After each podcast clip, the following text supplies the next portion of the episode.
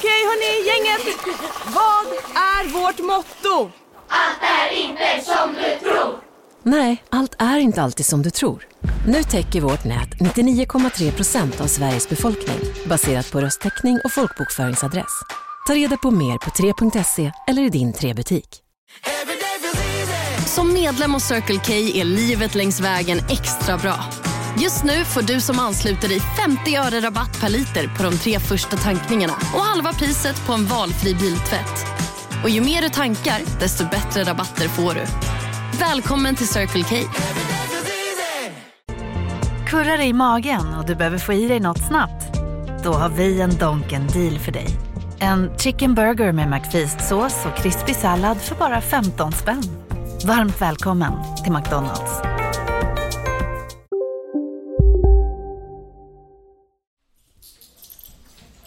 Den gamla säkerhetssalen i Stockholms tingsrätt, april 2022.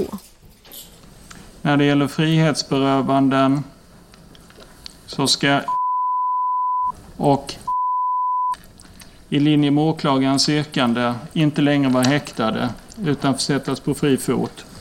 Några av de häktade för de uppmärksammade brottsplanerna att komma över lyxiga handväskor i miljonklassen blir frisläppta och får två veckor i frihet innan domen kommer. Förhandlingen är slut. Tack för de här dagarna. Tack. På rättegångens sista dag ändrade åklagaren sin gärningsbeskrivning.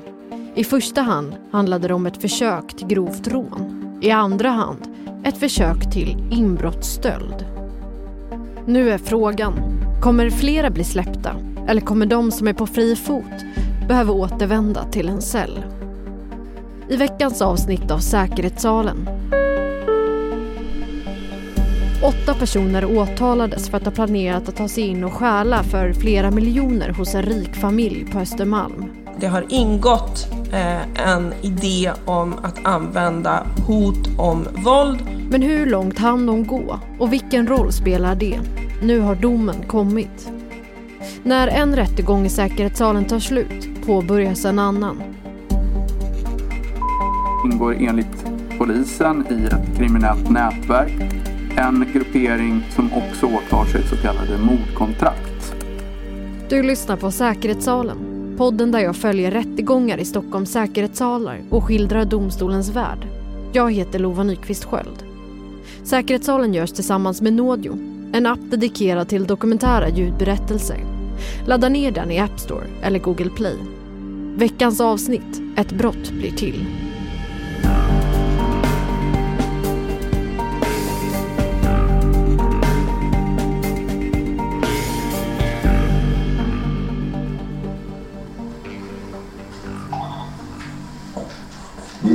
Stilla. Fortsatt alla i bilen. Ingen har gått ur. En BMW står på tomgång utanför en adress på Östermalm i Stockholm. Inuti sitter fyra personer, varav tre klädda som anställda vid en budfirma. Kläderna är en täckmantel. Plötsligt rivstartar bilen samtidigt som en civil polisbil kör in i den. Ja, det är biljakt. Biljakt de lämnar. Men BMWn lyckas ta sig därifrån. Flykten blir dock kortvarig och de fyra personerna grips några gator därifrån. Samma dag grips ytterligare fyra personer misstänkta att på olika sätt varit del i den tilltänkta stöten. Åtta personer åtalas för försök till grovt rån mot en förmögen familj. En av dem, en 21-årig kvinna, jobbade hos familjen som personlig assistent och gav information om vart exklusiva klockor, väskor och smycken fanns i bostaden. Hon var alltså en insider och skulle hjälpa de övriga in i lägenheten på brottsdagen. Sex av de tilltalade erkänner att de planerat en stöt. En tilltalade valt att inte uttala sig om sin medverkan och en annan säger sig inte på något sätt varit delaktig i gärningen. I säkerhetssalens avsnitt Stöten som aldrig blev av kan du höra mer om rättegången och den hemliga kameraövervakningen av de tilltalade som ledde fram till åtalet. En av knäckfrågorna under rättegången blev, var det här att anse som ett försök till grovt rån? Det menade åklagaren Alexandra Bittner. Och jag menar att när man tar del av det materialet så är det tydligt att det är inte en brottsplan där man ska gå in utan att på något sätt ska uppmärksamma detta. Det pratas om att man ska ta shunon och man ska tejpa Man ska låta själv ta av sig klockan istället för att rycka. Vid de här mötena så är det min uppfattning att det som har pratats om, det man har för avsikt att genomföra den 19 är just ett grovt rån. För de som, som är att anse som gärningsmän eh, så är min uppfattning att straffvärdet motsvarar fängelse i fyra år. Enligt Alexandra Bittner var hot om våld en del av brottsplanen och på så vis är det att klassas som ett rån. Men det håller inte försvaret med om. De säger att det var en förberedelse till grov stöld där planen var att ingen skulle komma till skada och att diskussionerna om hot skedde i ett tidigt skede av planeringen men att det senare ändrades under ett av deras många möten. Här är advokat Robin Grönvall under sitt slutanförande. Och därför blir det så, menar jag, att det blir fel, felaktigt när vi sitter och tar, som åklagaren menar, olika stycken ur avlyssningen och säger att ja, det här är den slutliga planen. För vi vet inte vad som bestämdes vid det sista mötet. Och tittar man på bevisningen i övrigt, de beslag som har gjorts, eller som inte har gjorts snarare, så förstår man, menar jag, att det var inte frågan om ett rån. Man hittade inga vapen i bilen, inga knivar, inga verktyg överhuvudtaget som skulle kunna användas till att hota någon. Och lyssnar man då på vad Högsta domstolen skriver så ett maximalt straff för en förberedelse två år. Men jag menar att där uppe är vi inte. Utan det som de här killarna och, och möjligen tjejen ska dömas för ska ha ett, ett straffvärde på ett års fängelse. Nu har rätten tagit ställning till de båda sidor som lades fram under huvudförhandlingen och kommit fram till en dom.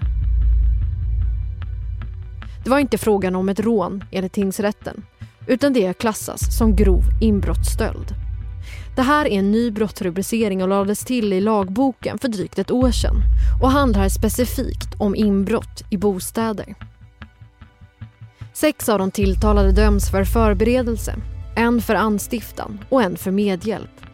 Samtliga döms till tre års fängelse, förutom medhjälparen som döms till två år. Även om det är lägre än vad åklagare Alexandra Bittner yrkade på har hon bestämt sig för att inte överklaga.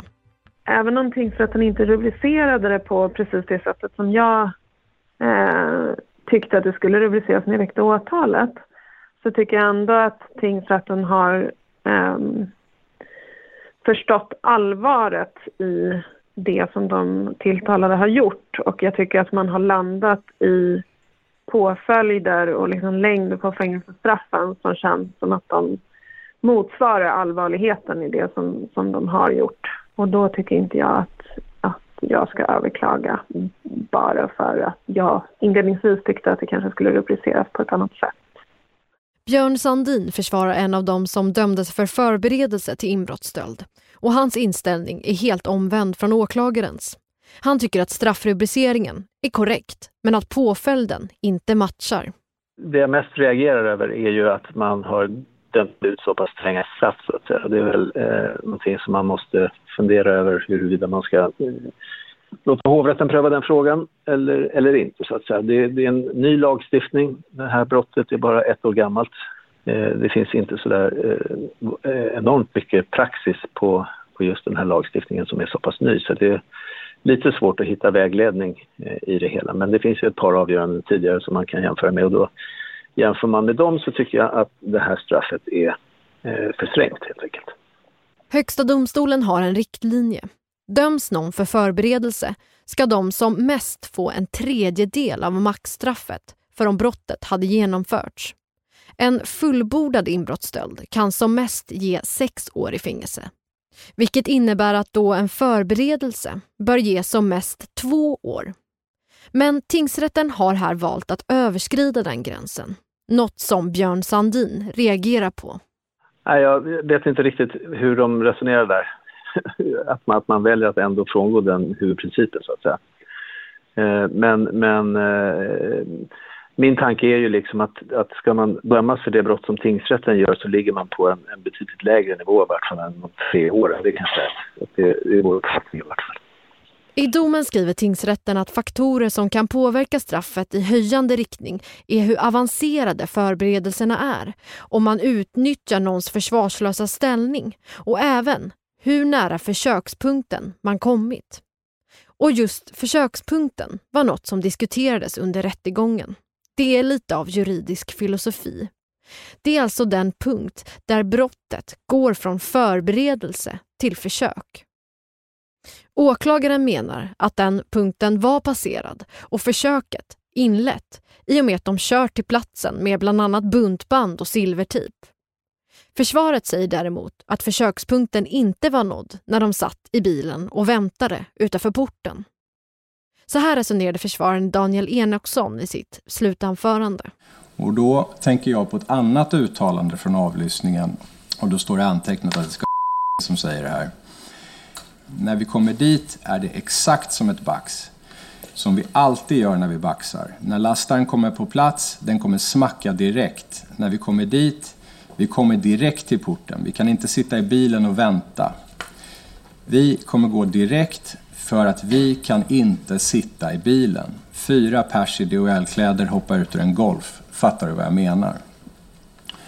Och här har vi också så som jag ser det, en ganska tydlig indikation på vad planen var och varför agerandet på platsen inte stämmer överens med planen. Vilket talar för att man hade bestämt sig för att inte inleda och därigenom passera försökspunkten. Här håller tingsrätten alltså med försvaret. De menar att försökspunkten inte är uppnådd och sätter därför förberedelse istället för försök som rubricering. Men tingsrätten anser att det har kommit så långt i förberedelsen av brottet att det ligger nära ett försök. Vilket kan ha bidragit till ett strängare straff.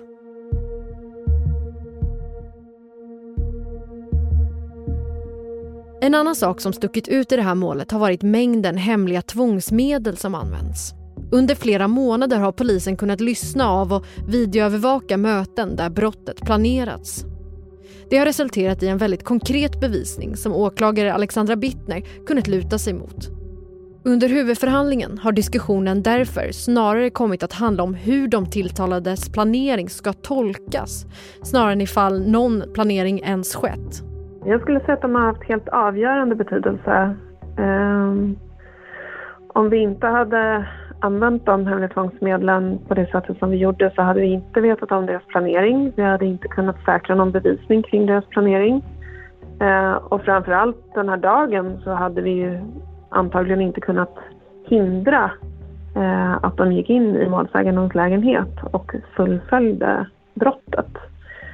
Eh, men eftersom vi visste vad det var de hade tänkt sig så kunde polisen ingripa och garantera att ingen egendom togs från målsäganden och att ingen människa på något sätt kom till skada i den situationen. Det är väl väldigt betydelsefullt, tänker jag. Hej, Susanne Axel här. När du gör som jag och listar dig på en av Krys vårdcentraler får du en fast läkarkontakt som kan din sjukdomshistoria. Du får träffa erfarna specialister, tillgång till lättakuten och så kan du chatta med vårdpersonalen. Så gör ditt viktigaste val idag, lista dig hos Kry. Big Mac har miljarder fans över hela världen. Under mer än 50 år har den skapat popkulturell historia. En legend med 100% nötkött och den mytomspunna såsen. Nu finns Big Mac för bara 39 kronor på McDonalds. Hej, Synoptik här.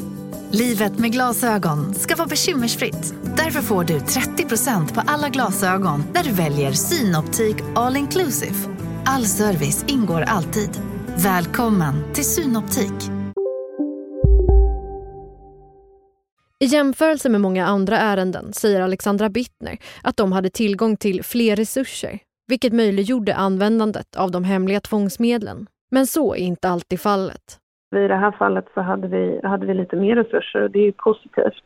Um, och det beror nog på ja, Jag vet inte riktigt vad det beror på faktiskt. Om det, det beror lite på vilka poliser som är involverade och hur hårt man jobbar för att få fram de resurserna och också kanske vad det finns för andra ärenden som pågår just vid det här tillfället för alla konkurrerar ju om samma resurser och sådär så att det kan finnas många olika anledningar till att man får mer eller mindre resurser.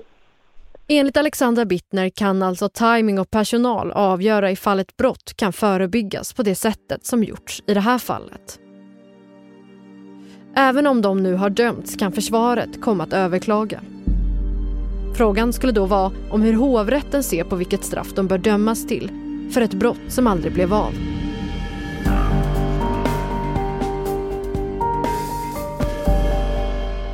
Säkerhetssalen görs tillsammans med Nådio. Under våren så innehåller vartannat avsnitt kortare berättelser och fördjupande intervjuer. Förra veckans avsnitt handlade om ordningsvakten Fredrik Snellman en av dem som jag träffar på mest när jag bevakar rättegångar. Han berättade om beslag i säkerhetskontrollen och en uppmärksammad rättegång där ett mc-gäng var inblandat.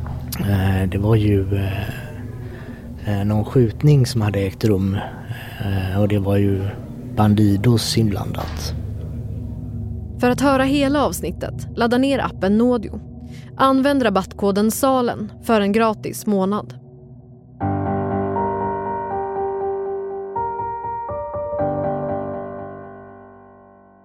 Den här utredningen rör ett mord som skedde i Hjulsta den 31 maj 2021 strax före midnatt. Eh, målsäganden sköts till döds i omedelbar närhet till hans dåvarande bostad. Han var vid tidpunkten för sin död 28 år gammal. Han hade syskon, föräldrar och en flickvän som bodde i omedelbar närhet till brottsplatsen. Hans bror var en av de första som var framme vid det att han hade skjutit så han var också kvar på platsen till dess att polis anlände.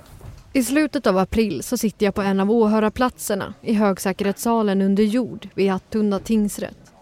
Åklagare Karl Mellberg håller sin sakframställan.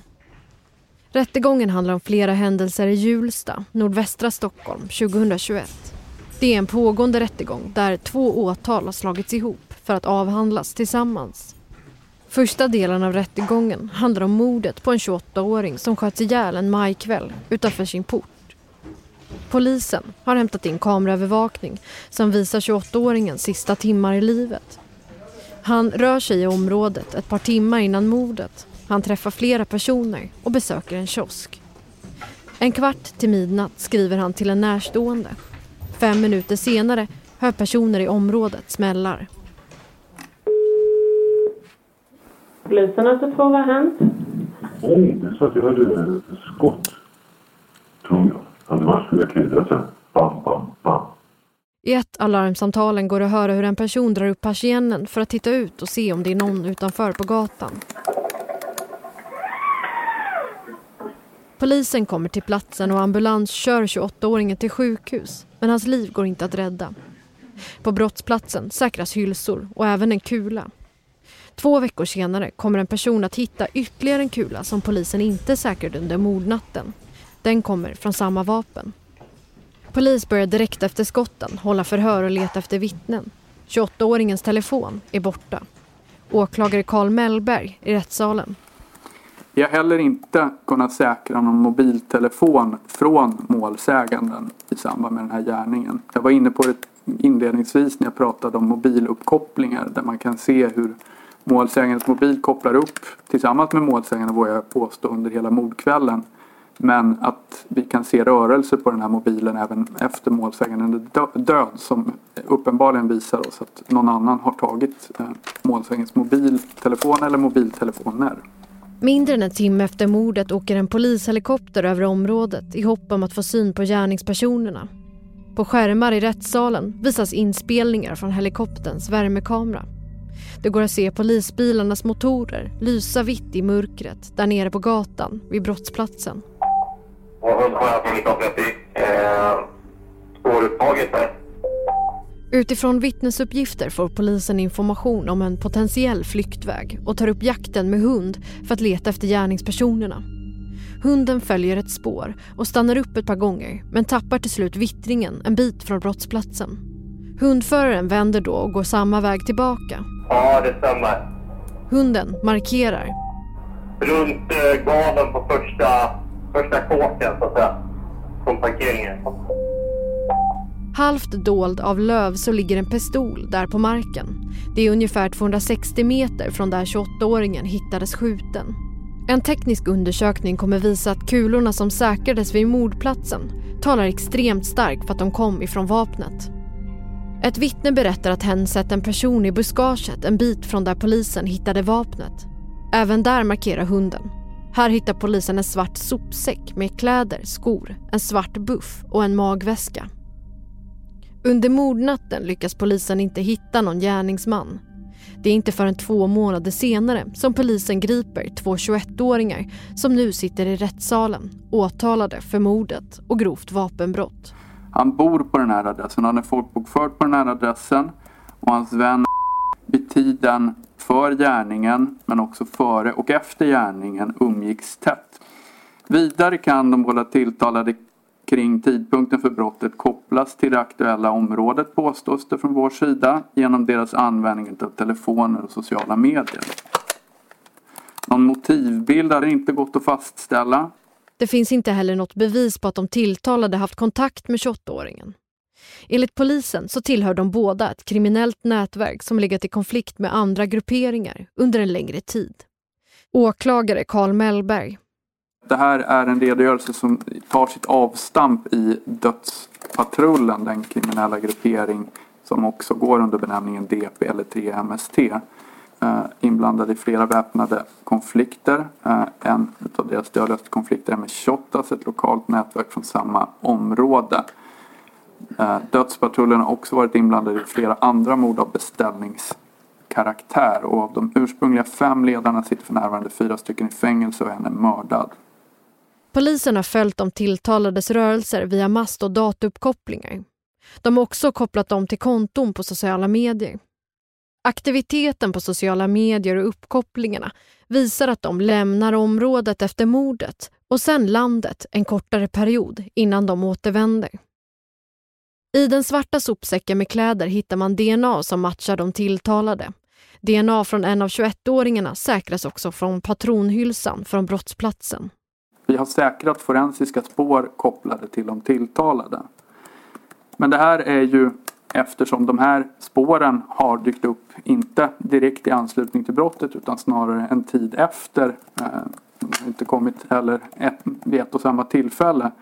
Så har allt detta medfört att den här kartläggningen har skett med en ganska stor tidsfördröjning i relation till brottstiden. Och det innebär ju också då att en del information sannolikt har gått förlorad vad det gäller det här inhämtandet. Innan det ska gå över till försvarets tur så händer något ovanligt. På rättegångens första dag efter en lunchpaus så samlas alla åter i rättssalen. Men en av nämndemännen saknas. En stol står tom vid rättens bord. Ordförande Mattias Möller har någonting att meddela. Så, då är vi alla tillbaka. Innan vi lämnar tillbaka så har jag ett besked att lämna och det är så att eh, nämndemannen Lars Hallberg har avträtt. Han har ett förflutet, har det framkommit, som chef för länskriminalpolisen i Stockholm mellan 2013 och 2019.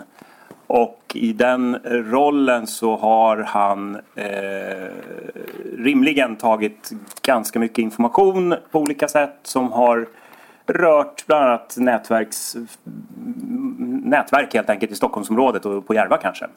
Eh, men det här har lett fram i alla fall till en slutsats från honom själv ska jag säga att han väljer att avträda. Nämndemannen har alltså lämnat rättegången för att det finns risk för jäv. De var till en början fyra nämndemän, vilket är fler än vad de brukar vara. Och det betyder att vi nu från och med nu kommer att fortsätta på, eh, ja det är två jurister och tre nämndemän. Men vi är alltjämt fullt domföra så det är inget problem så för fortsättningen. Så. De fortsätter. Nu är de en nämndeman färre när det blir försvararnas tur för sakframställan. Båda 21-åringarna nekar till brott och till det påstående att de skulle tillhöra något kriminellt nätverk eller ha något med mordet att göra. Rodney Humphreys försvarar en av dem som under ett förhör med en polisman beskrivs ha en respekterad ställning i nätverket. Och då vill jag att man noterar att man inte har anträffat något DNA överhuvudtaget ifrån på, på buffen, på den blåa tröjan, på skorna eller på magväskan. Däremot har man anträffat DNA i handskarna och eh, i byxan. Och när det gäller byxan så är det en DNA-träff och den består av en blandning av DNA från tre personer. Och då vill jag bara lyfta redan nu att risken för sekundär överföring, kontamination, måste anses vara överhängande när man klämmer ner saker i en säck och sen slänger iväg den säcken i skogen. Den andra 21-åringen försvaras av Viktor Svarts. Förstahandsyrkandet om mord så är försvarets eh, inställning, eller min klients inställning, att inte har skjutit målsäganden. Han har inte befunnit sig på brottsplatsen. Han har inte agerat tillsammans i samförstånd med någon annan eller några andra. Det här eh, är eh, ett mål där det inte finns någon direkt bevisning som placerar min klient på brottsplatsen. Det finns ingen eh, direkt bevisning som säger att min klient har hanterat vapen och kläder i samband med själva gärningen. De båda tilltalade har utnyttjat sin rätt att inte tala under förundersökningen. Det är först nu i domstolen som de svarar på frågor om misstankarna. Viktor Svarts klient förklarar under förhöret att hans DNA hamnat på mordvapnet vid ett tidigare tillfälle. Han säger att han var med en person som hade det med sig och tog på manteln och ammunitionen. När det här skedde och med vem vill han inte säga. Väskan i sopsäcken som hittades säger han att han aldrig sett förut. Han kan ha burit plaggen, men då vid ett annat tillfälle. Då det inte är ovanligt att han lånar andras kläder. Den andra tilltalade säger i förhör att han försörjer sig genom att sälja hash och lustgas. Han säger att andra personer har tillgång till hans konton på sociala medier, samma konton som åklagaren har bundit honom till. Han säger också att han lämnade området efter mordet då polisen tidigare sagt att det fanns en hotbild mot honom och han därför ville bort därifrån efter skjutningen.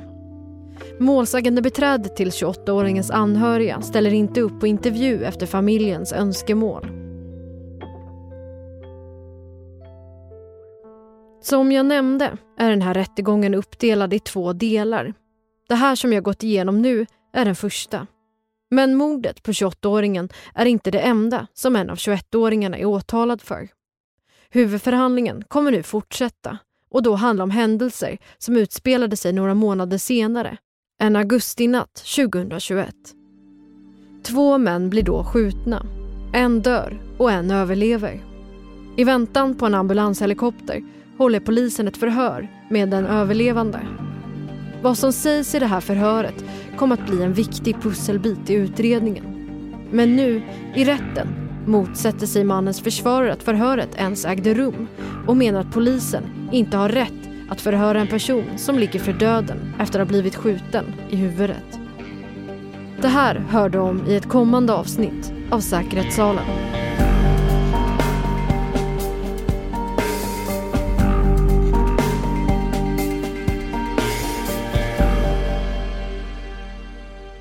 Du har hört ett avsnitt av Säkerhetssalen, en produktion av tredje statsmakten Media för dokumentärappen Nådio. Nästa veckas avsnitt släpps exklusivt på Nådio.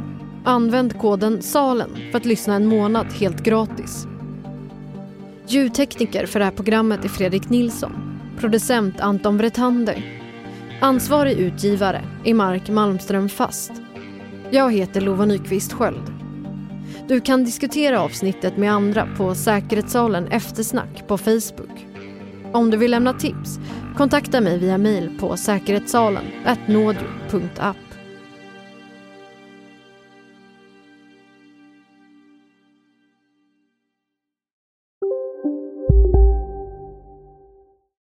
Ni är med om det största.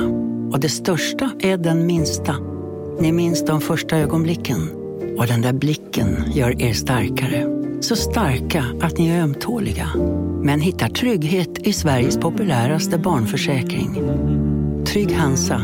Trygghet för livet.